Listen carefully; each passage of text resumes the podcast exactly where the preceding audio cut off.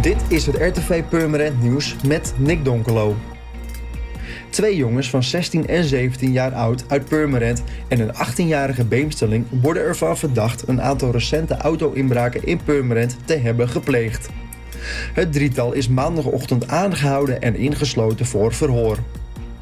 De politie kwam het drietal op het spoor door recherchewerk naar een aantal auto-inbraken in Purmerend.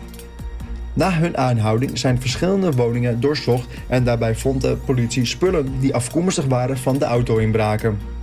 Recherche blijft voorlopig doorgaan met dit onderzoek en sluit niet uit dat het drietal nog meer auto-inbraken heeft gepleegd. Onder het motto Liever delen dan verspillen opent Stichting Zo Goed op 10 november haar eerste buurtkoelkast. Het doel van de buurtkoelkast is dat mensen in de buurt gekoelde of versproducten met elkaar te laten delen. Zo wordt voedselverspilling voorkomen, helpen we een ander die het minder heeft en werken we samen aan de sociale buurt.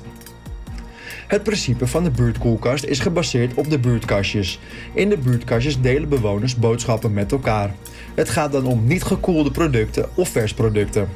Inmiddels staan er al meer dan 80 van dit soort kastjes in Nederland. En ook in Purmerend en de Beemster zijn de buurtkastjes te vinden. De buurtkoelkast komt vanaf 10 november te staan in het infopunt Weermolen in het Mercado winkelcentrum. Voor de tweede maal sinds de onthulling van het LHBT kunstwerk in de fietstunnel bij station Purmerend is er een gedeelte van de regenboog vernield.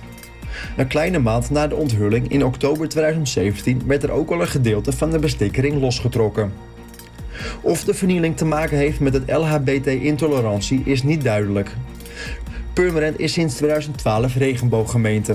In Nederland zijn 42 van deze gemeenten die actief beleid voeren voor de veiligheid, weerbaarheid en sociale acceptatie van LHBT-inwoners.